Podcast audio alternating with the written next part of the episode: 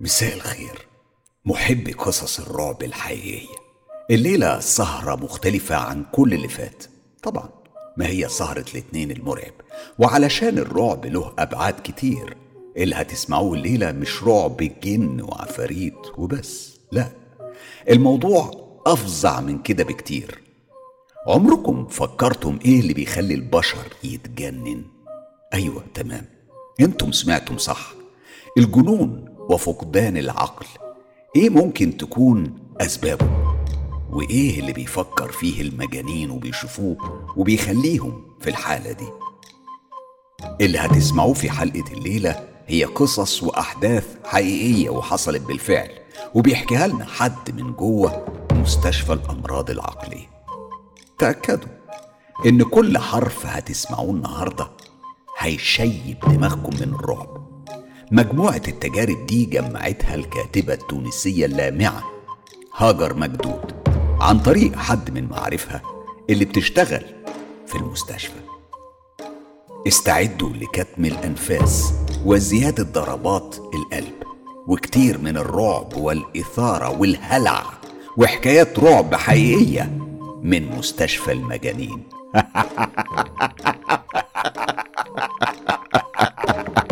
ويلا إيه؟ يلا ويلا إيه؟ بينا. يلا إيه؟ بينا. يلا يلا إيه؟ بينا. يلا إيه؟ بينا قصة الليلة على لسان صديقة والدتي الله يرحمها. هي بتبلغكم سلامها وبتعتذر عن ذكر الأسماء والأماكن لحساسية المحتوى وخصوصيته. ده طبعا علشان هي كانت بتشتغل في مستشفى للأمراض العقلية. وطبعا من واجبها كتم أسرار المرضى. علشان كده كل الأسماء في القصة دي هتكون أسماء مستعارة. بتحكي الست حبيبة وبتقول أنا يا بنتي قضيت عمري كله بشتغل ممرضة في مستشفى للأمراض العقلية أكتر من 35 سنة بين عنابر المرضى وحكاياتهم اللي تشيب الراس. أصل يا بنتي شغل الممرضات ده بيكون سهل. لو يقتصر على تطهير الجروح أو تغيير الضمادات أو حتى إنك تكوني بتدي حقنة بإيد رقيقة أو خفيفة على المريض. بس لما تكوني ممرضة في قسم الأمراض النفسية الوضع بيختلف. بيختلف تماما لأن الجروح بتبقى في الروح مش في الجسد.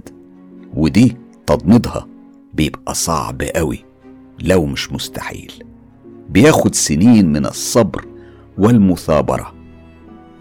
أنا لما كنت ببدايات شغلي كنت ممرضة مجتهدة جدا بشهادة كل والزماء والزملاء اللي اشتغلوا معايا. كنت بتفانى في خدمة المرضى وباخد بالي من صحتهم ومواعيد دواهم بكل دقة لحد ما في يوم طلبت مني رئيسة الممرضات تجهيز غرفة خاصة لمريضة اتشخصت حالتها على إنها مصابة بانفصام حاد في الشخصية. وكانت تعليمات الدكتور بتفرض علينا عزلها عن بقية المريضات والاهتمام بحالتها بشكل خاص. أنا طبعا نفذت الأوامر وجهزت أوضة في آخر العنبر. كانت أوضة عادية مكونة من سرير وبس. يعني مفيش ولا ترابيزة ولا كرسي ولا أي حاجة تانية. ده طبعا بنعمله لسلامة المريضة وتجنب تعريضها لأي خطر. أصل المرض ده يا بنتي في مراحل من مراحله بيكون عنيف وممكن المريض يؤذي نفسه أو اللي حواليه. المهم يوميها وصلت المريضة كانت بنت في أواخر العشرينات من عمرها. جسمها كان نحيف جدا وكانت ملامحها رقيقة وجميلة أوي شعرها طويل وناعم وعينيها واسعة. وأسفل دقنها كان فيه شامة سودة.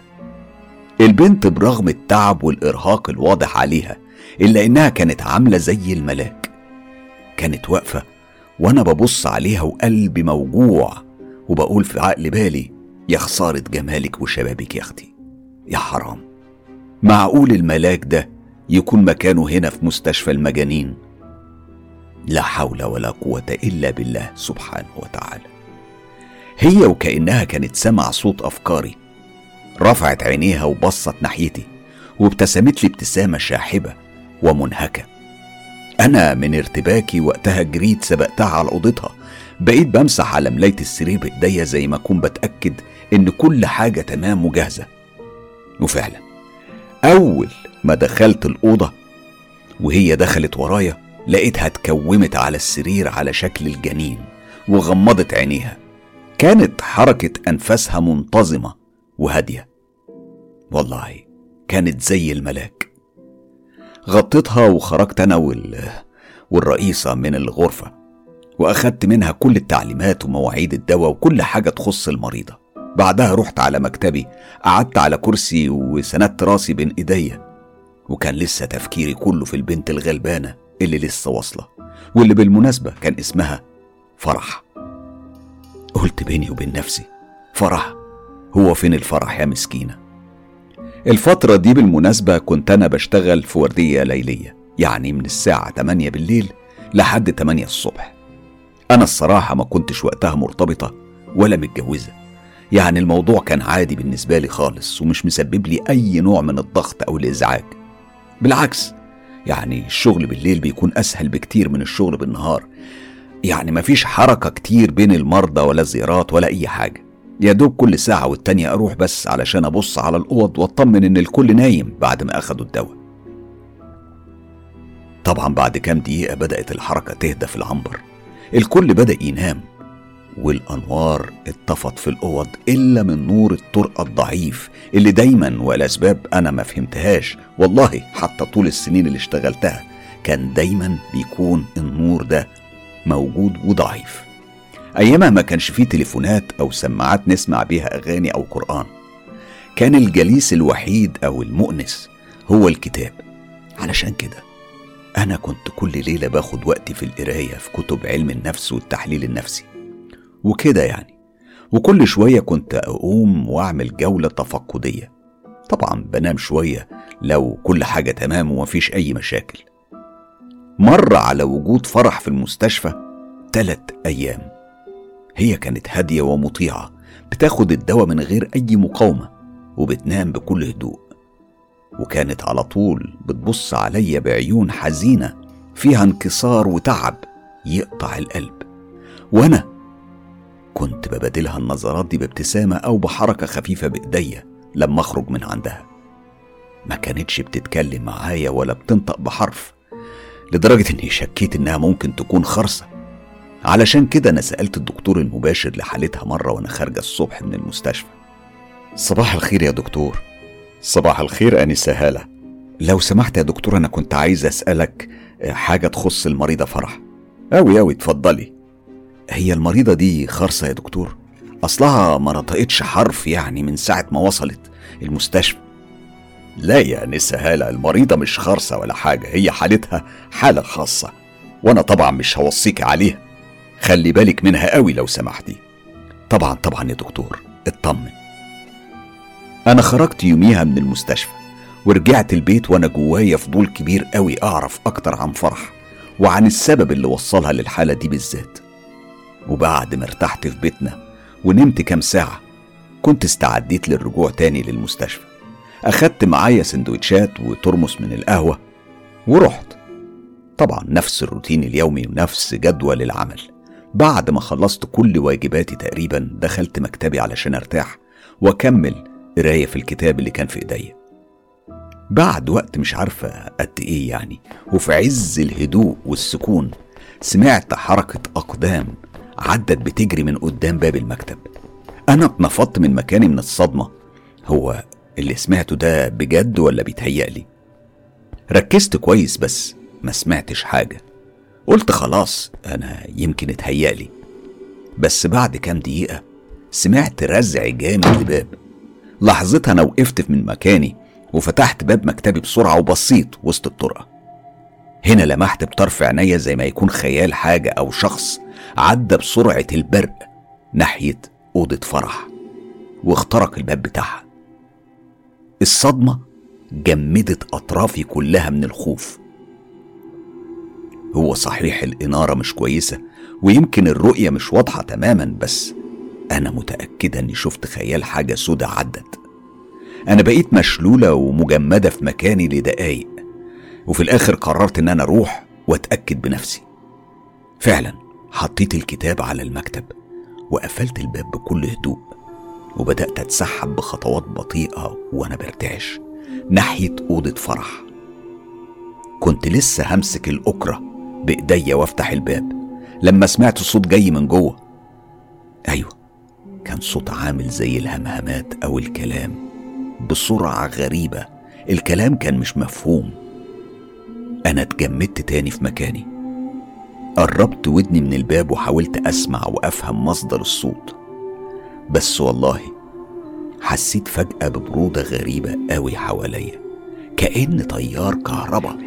مسك في جسمي لثواني أنا رجعت لورا خطوات وقررت إن أنا مش هدخل الأوضة دي. أنا هرجع مكتبي تاني. بس صوت الهمهمات بقى أعلى وأوضح. أيوه. أنا كنت سامع بوضوح وبحركة سريعة فتحت الباب علشان أتصدم بمنظر غريب كان أول مرة أشوفه في حياتي كلها. خليني أوصف لك المشهد. الأوضة كانت ضلمة إلا من نور خفيف داخل من الشباك الحديد. فرح كانت مقرفصة في ركن ومدياني ظهرها. كانت بتهمهم بصوت مخنوق وبكلام مش مفهوم وهي بتقشر في الحيطة بضوافرها بحركة سريعة.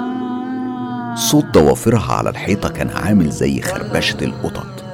أنا بسرعة ولعت النور وجريت عليها علشان فجأة تلتفت ناحيتي وأشوف وش أقل ما يقال عنه. إنه وش مرعب ومخيف. عينيها كانت بيضة خالص. السواد راح مش موجود. كانت مفتوحة على الآخر.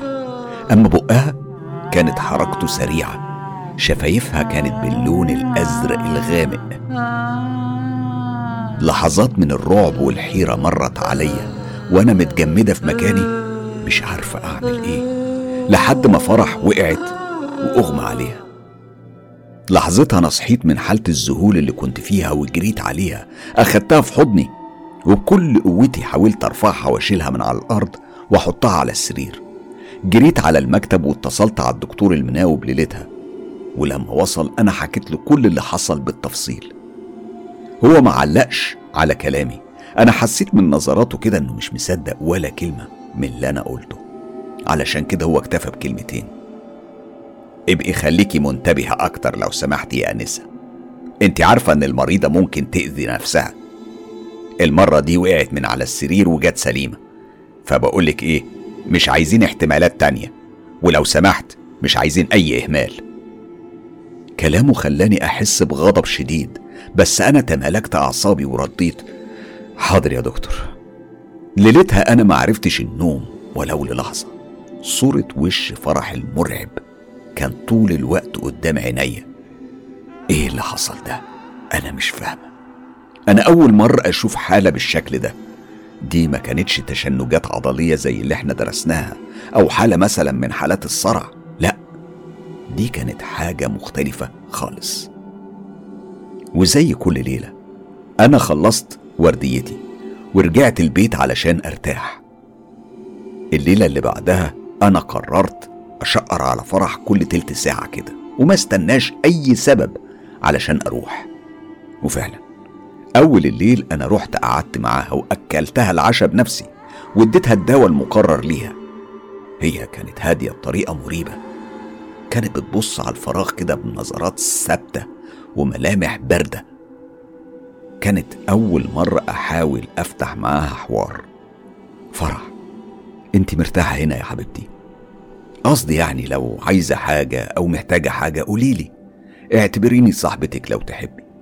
وأنا هكون سعيدة بكده. لكن فرح ما ردتش عليا خالص.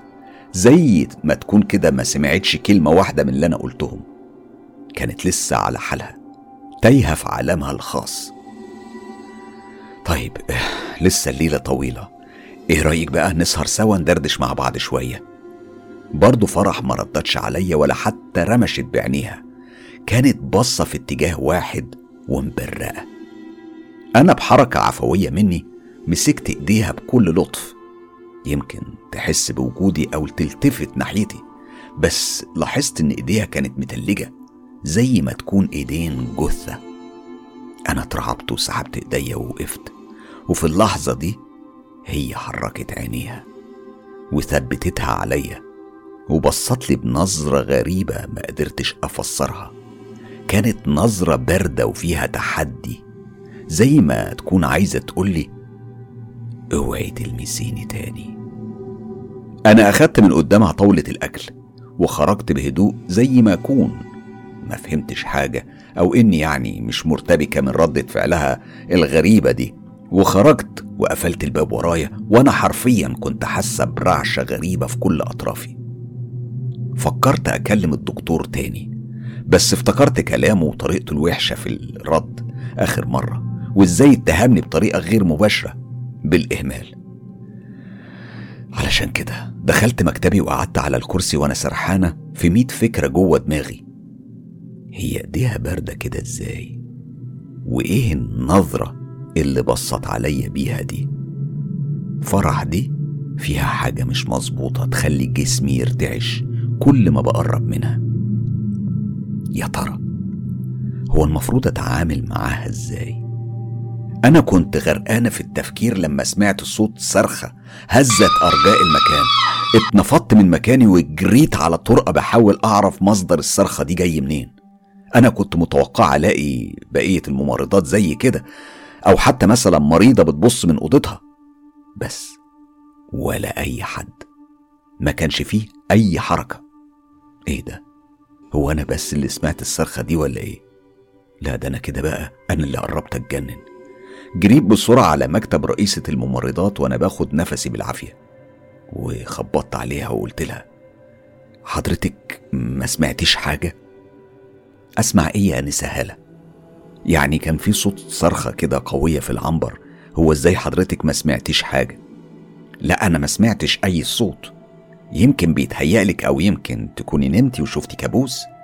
لا يا فندم أنا كنت صاحية وفي كامل وعي ومتأكدة إن مش بيتهيألي والله. طيب طيب تعالي تعالي معايا نشوف ونشقر على كل الأوض سوا. وفعلا أنا ورئيسة الممرضات عدينا على كل الأوض أوضة أوضة. كل المريضات كانوا نايمين في هدوء لحد ما وصلنا لأوضة فرح. فتحت الباب ودخلنا. فرح كانت قاعدة في سريرها وماسكة الملاية البيضة كانت بتربط فيها عقد عقد زي ما تكون حبل كده. هي ما حستش بوجودنا خالص كانت مركزة على اللي بتعمله وهي بتزوم بصوت واطي. هنا أنا شفت علامات الرعب والفزع على وش رئيسة الممرضات. صرخت فيا وقالت لي انت واقفة بتعملي إيه عندك يا هالة؟ بسرعة خدي منها الملاية وساعديني ننيمها في سريرها. حاضر حاضر يا فندم. أنا أول ما قربت من فرح رفعت عينيها ناحيتي وعقدت حواجبها وبقت تزوم بصوت أعلى بالظبط زي لما تكون بتقرب مثلا على حيوان متوحش ويبقى بيزوم عليك وبيخوفك علشان تبعد. أنا من خوفي وصدمتي رجعت لورا. وهنا رئيسة الممرضات قربت ومسكت الملاية بكل قوة علشان تسحبها من إيدين فرح. والصدمة كانت لما فرح مسكت إيديها وزقتها زقة وقعتها على الأرض بكل عنف. أنا والله شفتها ارتفعت في الهواء وطارت بعيد. المشهد كان سريع ومفاجئ. معرفتش أتصرف إزاي ولا أعمل إيه. أنا جريت على رئيسة الممرضات اللي كانت حرفيا مصدومة. بقها كان مفتوح. أنا قلت لها حضرتك بخير يا فندم؟ بسرعة يا هالة. اطلبي اطلبي المساعدة من عنبر الرجالة اللي جنبنا. خرجت بسرعة وجريت على عنبر الرجالة علشان أنادي على ممرض أو اتنين يساعدونا. وفعلا رجعت أوضة فرح ومعايا اتنين من الممرضين. المشهد كان كالآتي. فرح. لسه قاعدة ومتربعة على السرير. وماسكة الملاية ولسه بتربط فيها. وهي بتزوم بنفس الصوت المرعب. أما رئيسة الممرضات فكانت واقفة مذهولة. وعلامات الخوف مرسومة على وشها. فرح الضعيفة الرقيقة اللي كان وزنها يدوب خمسين كيلو جرام أو أقل قدرت تزق اتنين رجالة وتوقعهم على الأرض. والله كانت بقوة عشر رجالة في بعض ولا حد قدر ياخد منها الملاية أو يقرب منها. المشهد كان غريب ومرعب بين الشد والجذب بين فرح والممرضين لحد ما الملاية اتقطعت بين إيديهم. وفي اللحظة دي اتحول المشهد لأكتر مشهد رعب شفته في حياتي كلها. فرح بحركة واحدة وقفت على السرير زي ما تكون نطت كده فتحت رجليها وحطت ايديها على ركبها وصرخت صرخة طويلة ومفزعة. ملامح وشها اتحولت من الرقة والضعف لملامح مرعبة ومخيفة. عينيها وسعت. وبرقت وظهرت عروق باللون الأزرق على رقبتها ووشها. حتى شفايفها بقت غامقة. الوجه الملائكي تحول فجأة لوجه شيطاني مرعب. صوت الصريخ كان رهيب ومتواصل. كل واحد في الأوضة جات له حالة من الشلل والصدمة. وفجأة فرح. وقعت من طولها وأغمى عليها. راسها اتخبطت بقوة على الأرض. وإحنا للأسف ملحقناش نمسكها. بعد ما ضمدت الجرح اللي الحمد لله ما كانش خطير كان جرح سطحي نامت فرح ورجعت ملامحها طبيعية. أنا بسرعة بصيت للرئيسة وقلت لها هو إيه اللي حصل يا فندم قبل شوية ده؟ دي مستحيل تكون حالة عصبية أنا ما شفتش حالة زي دي قبل كده في حياتي. أنا أنا مش قادرة أفسر الوضع ولا قادرة أستوعب حاجة. بكرة أنا إن شاء الله هتكلم مع الدكتور المشرف على حالة فرح يا هالة ونشوف يمكن يغير لها الدواء أو يمكن تحتاج جلسة كهرباء. جلسة كهرباء؟ لا لا يا فندم فرح جسمها ضعيف جدا ويمكن ما تستحملش. الدكتور هو اللي يقرر يا هالة هو اللي يعرف إيه المناسب وإيه اللي مش مناسب. يا ريت يعني كل واحد يلتزم بحدود شغله. كلامها كان زي كلام الدكتور إياه بالظبط. كلام حد ولهجة مستفزة جدا. بس معلش أنا كان لازم ألتزم بالأوامر وأهدى. بعد الليلة الغريبة دي كان يوم أجازتي. قعدت في البيت مع والدتي الله يرحمها. كنا بنجهز الغدا سوا في المطبخ وأنا أفكاري كانت متلخبطة وكنت سرحانة في الواقعه اللي حصلت دي. كنت تايهة ومش مركزة خالص في أي حاجة لحد ما سمعت صوت والدتي وهي بتقولي مالك يا حبيبتي؟ أنا بكلمك وأنت مش بتردي عليا اللي واخد عقلك يا بنتي يتهنى بيه. لا يا ماما مفيش حاجة يا ست الحبايب. محدش واخد عقلي غيرك يا جميل. كده؟ طيب هو طيب هقولك إيه أنا طيب بص يا ماما أنا كنت أنا هحكي لك أنا كنت سرحانة في إيه بقى؟ احكي لي يا بنتي. مش عارفة يا ماما أحكي لك إيه بس؟ أنا أنا نفسي بس مش عارفة آه يعني أجمع ولا فاهمة حاجة. يا لهوي يا بنتي اوعي تكوني عملتي مصيبة في شغلك. لا لا خالص يا أمي. أنا أنا واخدة بالي من شغلي قوي وكله تمام. أمال في إيه يا بنتي؟ ما تشغليش بالي عليكي. لا يا حبيبتي. والنبي ما تقلقي. أنا هحكي لك كل حاجة. وفعلا قعدت أنا وأمي وحكيت لها على كل حاجة بالتفصيل. أعوذ بالله من الشيطان الرجيم. سلام قول من رب رحيم. البنت دي ملبوسة يا بنتي. ملبوسة. ملبوسة؟ إزاي يا أمي تقولي كده؟ دي, دي مريضة وحالتها متشخصة عندنا. يعني زي ما بقولك كده دي حالة الدكاترة كلهم شافوها وشخصوها. اسمعيني يا بنتي اللي أنا بقوله لك ده صحيح. البنت بسم الله الرحمن الرحيم ملبوسة ولا تقولي لي مريضة ولا الدكتور قال ولا الدكتور شخص. في حاجات يا بنتي ما ينفعش مع العلم بتاعكم ده. حاجات كده من عالم غير عالمنا. اللهم احفظنا. بعد كلامي مع أمي ده أنا دخلت أوضتي ومددت على السرير وأنا بفكر في كل كلمة قالتها لي. ملبوسة. معقولة الحاجات دي موجودة بجد؟ لا لا. أنا أنا لازم أبطل. أنا مش ممكن أفكر بالطريقة دي.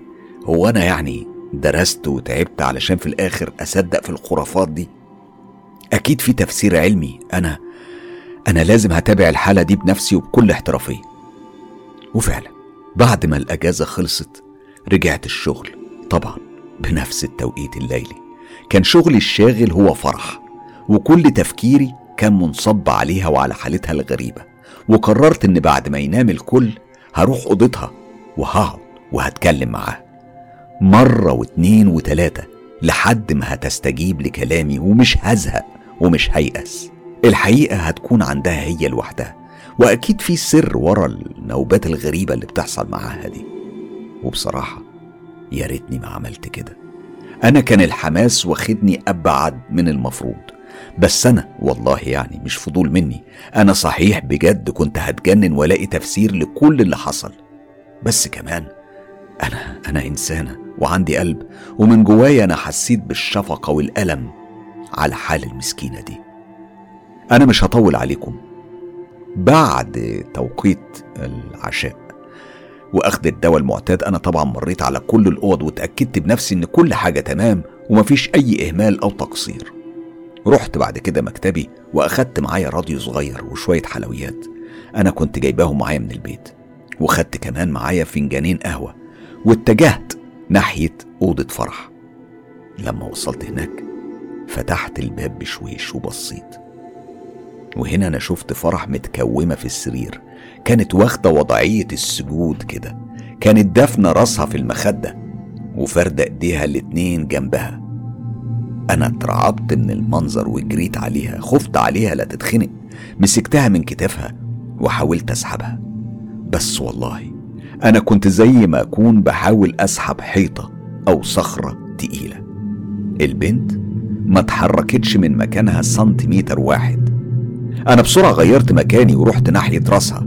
كنت بحاول ارفعها مرة أو حتى أسحب المخدة من تحتها بس كمان من غير أي فايدة. فرح كانت عاملة زي ما تكون لازقه بكله في الوضعية دي. أنا من ارتباكي وخوفي لحظتها. صرخت فيها وقلت لها كفاية بقى. حرام عليكي كفاية. أنت عايزة تموتي نفسك ولا إيه؟ يا بنتي أنا خايفة عليكي وتعبت بقى. تعبت بجد. ساعديني يا فرح. أرجوكي أرجوكي. هنا بس. بدأت فرح ترفع راسها ببطء من فوق المخدة ولفت ناحيتي وشهقت شهقة عميقة ومالت على جنبها. أنا جريت عليها وأنا بقول لها اتنفسي يا فرح اتنفسي أنا جنبك ما تخافيش. أنا تعبانة قوي. تعبت من كل حاجة يا رب ريحني بقى من الجحيم. دي كانت أول مرة أسمع فيها صوت فرح. أيوه فرح أخيرا اتكلمت. صوتها كان مخنوق وضعيف ودموعها كانت نازلة على خدودها. منظرها بالشكل ده قطع قلبي. أنا حسيت بغصة جوه حلقي. جريت عليها وحضنتها ونسيت لحظات الخوف اللي أنا كنت حاسة بيها. وفرح. مسكت فيا زي العيلة الصغيرة. بقت بتشهق من كتر البكاء. أنا حسيت إنها كانت محتاجة قوي تفرغ كل اللي جواها وإنها كاتمة ياما حاجات جواها في نفسها. مرت علينا دقايق وإحنا في الوضع ده. وفجأة سكتت ورفعت راسها وبصت لي وعينيها حمرة من كتر الدموع اللي نزلتها وقالت أنا آسف قوي غصب عني والله. ولا يهمك يا حبيبتي أنا نفسي أساعدك ومش هسيبك لوحدك اطمني. تساعديني؟ أنا مفيش حد في الدنيا يقدر يساعدني أو ينقذني من جحيمي. ليه بتقولي كده بس يا فرح؟ خلي إيمانك بربنا كبير. وبعدين؟ ده انت تحت إشراف أحسن دكتور. اسمعي انت بكرة هتخفي وهتبقي زي الفل بإذن الله سبحانه وتعالى. فرح سحبت نفسها من حضني ورجعت نامت على جنبها في السرير من غير ما تنطق بأي كلمة. أنا مرضتش أزعجها ولا أضايقها سبتها تنام وغطيتها وقعدت على طرف السرير. قلت لنفسي خلاص هبقى معاها شوية كده لحد ما أتأكد إنها راحت في النوم. هي بعد تقريبا نص ساعة حسيت إنها خلاص إنها بتنام أو نامت وأنا كمان حسيت برغبة في النوم فقلت خلاص هقوم أروح مكتبي وأريح شوية في سريري. أنا قمت بشويش وعلى أطراف صوابعي مشيت ناحية الباب بس فجأة سمعت ورايا حركة وزي ما يكون طيار من الهوا البارد مر من على قفايا. والله العظيم أنا حرفيا زي ما أكون اتكهربت من أعلى راسي لحد آخر صباع في رجليا. شعور بقشعريرة حسيت بيه. خلى شعر جسمي كله يقف. أنا لفيت ببطء ورايا علشان أشوف إيه اللي خلاني أحس بكده. وهنا شفت أغرب وأفظع وأفزع منظر شفته في حياتي كلها. أيوة بالظبط زي ما كلكم فكرتم كده. فرح. فرح كانت واقفة ورايا بملامحها الشيطانية عينين بيضة وش شاحب زي الأشباح وشفايف باللون الأزرق بس المرة دي اتكلمت بصوت عميق ومرعب جمد الدم في عروقي. اخرجي وما ترجعيش هنا تاني. ملكيش دعوة بفرح وما تتدخليش في اللي ملكيش فيه. أحسن لك. أنا من رعب الموقف وكمية الفزع اللي حسيت بيها. ليلتها أنا ما حسيتش بنفسي. وأغمى عليا لما صحيت. صحيت على ريحة كولونيا في مناخيري. وصوت زميلتي وهي بتقولي هلا هلا اصحي يا هلا مالك إيه اللي حصل لك؟ فرح فرح. هي فرح فين بس؟ ما هي فرح نايمة في سريرها اهي. انت إيه اللي وقعك بالشكل ده؟ ما ردتش عليها ولا نطقت بحرف عن اللي حصل. مين يعني اللي ممكن يصدق كلامي؟ أكيد هتقول عليا اتجننت أو أعصابي تعبت. أنا اكتفيت إن أنا شكرتها على مساعدتي وقمت مشيت ودخلت مكتبي ورميت نفسي في سريري. ببص في الساعة لقيتها الساعة أربعة بعد نص الليل. يا نهار أبيض! هو أنا كان مغمى عليا كل الوقت ده؟ الصداع الرهيب كان في دماغي. عينيا كانت مزغللة. أخدت حباية للصداع واتمددت على سريري تاني. حوالي الساعة سبعة كده كنت سامع حركة عمال النظافة اللي وصلوا. قمت من سريري وطلعت من مكتبي. كنت اتحسنت شوية والصداع كان راح. فعملت الجولة الصباحية زي العادة. جهزت الأوراق لزميلتي المنوبة بعد مني وحاولت ما أفكرش في أي حاجة تانية على الأقل يعني لحد ما أروح البيت. بس لما كنت خارجة من باب المستشفى وتحديدا جنب الاستقبال سمعت صوت واحدة ست بتقول والنبي يا بنتي عايز أعرف أوضة المريضة فرح نمرة كام؟ هي نازلة عندكم من كام يوم؟ أنا يعني بس مش عارفة هي في أوضة كام. أنا وقفت في مكاني والتفت بسرعة ناحية الصوت وهنا شفت ست كبيرة في الستينات من عمرها كده كانت لابسة جلابية سودة وطرحة وعليهم شال صوف طويل كده زي الكاب بلون بني فاتح. أنا من غير ولا لحظة تفكير جريت عليها. صباح الخير يا أمي. آه، أنا الممرضة المشرفة على حالة فرح. اتفضلي معايا. صباح النور يا بنتي. فرح ازيها؟ عاملة إيه دلوقتي؟ الحمد لله فرح كويسة وصحتها في استقرار وأنا واخدة بالي منها جدا. روحي يا بنتي ربنا يبارك لك في صحتك ويفرحك بشبابك.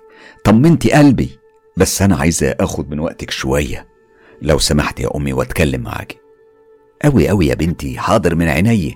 آه ما عنديش مانع بس خير يعني. هي هي فرح حصل لها حاجة ولا إيه؟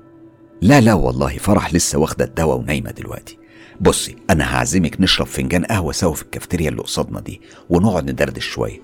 أصل حضرتك يعني أول حد يجي يزور فرح وأنا محتاجة شوية معلومات كده تساعدني في العلاج. طبعا أنا أول حد يجي ويسأل عن الغلبانة دي يا بنتي من غير يا حسرة حاسس بيها وباللي فيها. وفعلا بعد كام دقيقة كنت أنا والست الكبيرة قاعدين مقابلين بعض على ترابيزة في الكافتيريا. أنا اسمي هالة على فكرة. هو حضرتك مامة فرح؟ عاشت الأسامي يا بنتي. أنا خالتك أم محمود. خالة فرح وزي أمها الله يرحمها بالظبط. الله يرحمها يا رب. أنا ما كنتش أعرف إن فرح يتيمة أنا أسفة. بس يعني لو سمحتي ممكن تحكي لي عنها شوية؟ يعني أنا حابة أعرف عن حياتها كانت عاملة إزاي قبل ما تيجي عندنا المستشفى. آه يا بنتي أحكي لك. أحكي لك إيه بس ولا إيه؟ ولا ابتدي منين؟ فرح يا بنتي كانت ست البنات تربية وأخلاق وتعليم. أصل أنا اللي ربيتها بعد وفاة أمها. يعني أمها اللي هي أختي ماتت بالمرض الخبيث. وقتها فرح كان عندها عشر سنين. أختي الله يرحمها ما خلفتش غيرها. أبوها كان بيشتغل آه، في دولة تانية وعلشان كده وافق إني آخد فرح عندي البيت وإن أنا اللي اربيها كانت يعني هي عزائي الوحيد بعد ما خسرت أختي. أنا حبيتها وعطفت عليها زيها زي أي حد من عيالي والله وأكتر كمان. كلنا كنا بنحبها وحتى جوزي الله يرحمه كان مدلعها وبيحبها قوي. وفرح كانت سعيدة وسطنا وحالها كويس. بس تقولي إيه يا بنتي في النصيب؟ بعد كام سنة كده رجع أبوها من الغربة وكان متجوز وعنده عيلين. أبوها اللي كان يا دوب فين وفين يسأل عليها في التليفون لحد ما بقاش يسأل عنها خالص. طلب إن بنته ترجع تعيش معاه ومع مراته وسط عياله. طبعا كانت صدمة كبيرة علينا كلنا وعلى فرح كمان. بس نعمل إيه بقى؟ يعني هي بنته وده حقه هو في الأول وفي الآخر أبوها. ومن هنا ابتدت المأساة وغلب فرح كله. أيوه مرات أبوها كانت ست مفترية وظلمة يا بنتي قلبها ما بيعرفش الرحمة عذبت فرح كتير ضرب وإهانة. دي حتى خلت أبوها يخرجها من المدرسة علشان تبقى خدامة ليها ولعيالها. وأبوها الله يسامحه كان معمي البصر والبصيرة. ما كانش بيصدق حرف حرف واحد من بنته ولا يسمع منها. بالعكس ده كان كل مرة يجي في صف العقربة مراته ويبهدل البت الغلبانة. سنين وسنين وفرح عايشة وسط الجحيم ده ولا قدرنا نعمل حاجة علشان ننقذها ونطلعها من عنده. لحد ما في يوم كلمتني في التليفون. ألو؟ أيوه يا خالتي أنا فرح. أنا نزلت من ورا مرات أبويا لدكان العم صالح علشان أكلمك. فرح؟ إزيك يا حبيبتي وحشتني يا ضنايا عاملة إيه؟ الحقيني يا خالتي. أنا مش قادرة خلاص على ظلم مرات أبويا وتعذيبها فيا. دي بتضربني وبتحبسني في الحمام بالساعات وأبويا مش سائل فيا خالص. أنا أنا بموت يا خالتي. دي ست ما بتخافش من ربنا ابدا وبتاعت أعمال. أنا شفتها بعينيا والله يا خالتي. ولما عرفت إني كشفت حقيقتها ضربتني وهددتني إني لو فتحت بقي بكلمة هتخليني عاملة زي المجانين وتتخلص مني. أنا خايفة يا خالتي. أنا كنت سامع كلام الست أم محمود وأنا مبرقة عقلي كان بيحاول يسجل كل المعلومات دي وينظمها من غير منطق بحرف. حسيت بوجع في قلبي وأنا مش قادر أتخيل كمية العذاب والظلم اللي عاشته فرح. وبعدين يا خالتي أم محمود حصل إيه؟ حصلت مصايب ياما يا بنتي. اتخنقت يعني مع الولية السحارة دي خناقة في يوم لحد السما وجوز المرحومة أختي طبعا طردني طردة الكلاب من بيته وما صدقش ولا حرف من كلامي. ده كمان راح عمل لي محضر في اسم الشرطة وأخد عليا تعهد إني ما أجيش جنب بيته خالص ولا جنب فرح. وطبعا مش محتاج أقولك إن بعد الواقعة دي فرح شافت الويل أضعاف وأضعاف من مرات أبوها. شوفي يا بنتي فرح مش مجنونة ولا مريضة نفسيا زي ما بيقول أبوها ومراته. فرح ضحية أعمال سحر عملتها الشيطانة اللي ما تتسمى. جننت البنت يا عيني وخلتها بالحالة دي. بس أنا خلاص مش هسكت أكتر من كده. أنا لازم أتصرف وأجيب شيخ يرقيها. وإنتي لازم تساعديني. ينوبك ثواب يا بنتي. ده طبعا كان آخر كلام دار بيني وبين خالتي أم محمود. بعدها أنا وصلتها لباب المستشفى ورجعت البيت ومعايا حمل. كان حمل تقيل قوي. أنا كنت حاسة بصراع جوه دماغي بين المنطق وبين اللي شفته ليلة امبارح وعشته بكل تفاصيله وبين الكلام اللي سمعته كمان. كنت زمان لسه صغيرة وفي بدايات حياتي. عمري ما تخيلت إن اللي بنسمعه في القصص والخرافات عن السحر والكيانات المؤذية ممكن يكون حقيقة وموجود. علشان كده وللأسف ما وصلتش لنتيجة ولا القرار. الوردية الليلية اللي بعدها أنا كنت رايحة وجوايا قرار واحد بس. القرار ده إني أراقب حالة فرح من بعيد وأسجل كل التفاصيل. بس لما وصلت مكتبي لقيت زميلتي بتقولي أنت ربنا بيحبك يا هالة علشان ورديتك اليوم ده بالذات ما كانتش الصبح. ليه بس يا بنتي؟ حصل إيه؟ احكيلي عارفة المريضة اللي عندنا اللي اسمها فرح؟ فرح؟ مالها؟ يا حصل لها إيه؟ قوليلي إيه اللي ما حصلش يا أختي؟ دي دخلت في نوبة هلع أول مرة أشوفها في حياتي كانت بتصرخ بهستيريا والخوف مسيطر عليها. من إيه إحنا ما قدرناش نعرف ولا قدرنا نسيطر عليها إلا بالعافية. والله يا هالة أكتر من أربع ممرضين وأنا والدكتور كمان ومعرفناش نمسكها. دي كانت عاملة زي الوحش. أي حد يقرب منها كانت بتزقه وبتطيره في الهوا. لو تشوفي منظر الدكتور وهو واقع على الأرض وخايف منها كنت أنا ماسكة نفسي بالعافية عن الضحك. انت بتهزري يا وفاء؟ ضحك إيه ومنظر إيه عيب عليكي؟ غصب عني والله بس بجد كان منظر الدكتور بيضحك. وبعدين حصل إيه؟ بمعجزة قدرنا نمسكها والدكتور اداها حقنة مهدئة ومن وقتها وهي نايمة. بصي يبقى خدي بالك من نفسك الليلة. أنا ما أكدبش عليكم الصراحة أنا حسيت بالخوف ليلتها والارتباك. مش عشان في مريضة جات لها نوبة يعني نوبة عصبية أو نوبة هلع. لا إحنا متعودين على الكلام ده. ده طبيعي. بس لأن جوايا كنت حاسة إن دي مش بس نوبة هلع مرضية عادية. أكيد في حاجة تانية. المهم عدى أكتر من نص الليلة وبقت الساعة حوالي اتنين بعد نص الليل. كنت في مكتبي كالعادة بقرأ في كتاب وبحاول أشغل تفكيري. وفجأة سمعت الصوت خبط على الباب. مين؟ أنا الدكتور المناوب يا أنسة هالة. افتحي لو سمحتي. أنا جريت على الباب وفتحته بسرعة. خير يا دكتور حضرتك محتاج مني حاجة؟ أيوة لو سمحتي تعالي معايا أوضة المريضة فرح. حاضر يا دكتور حالا. ات- اتفضل. إلا قولي لي هي المريضة لسه ما صحيتش؟ لسه يا دكتور أنا مريت عليها من حوالي ساعة وكانت لسه نايمة. طيب تمام اتفضلي. أنا مشيت مع الدكتور لآخر الطرقة ووصلنا لأوضة المريضة فرح وفتحت الباب بكل هدوء. الأوضة كانت مضلمة طبعا ولعت النور وكانت صدمة عمري. فرح مش في أوضتها. فرح ما كانتش موجودة خالص. السرير كان فاضي.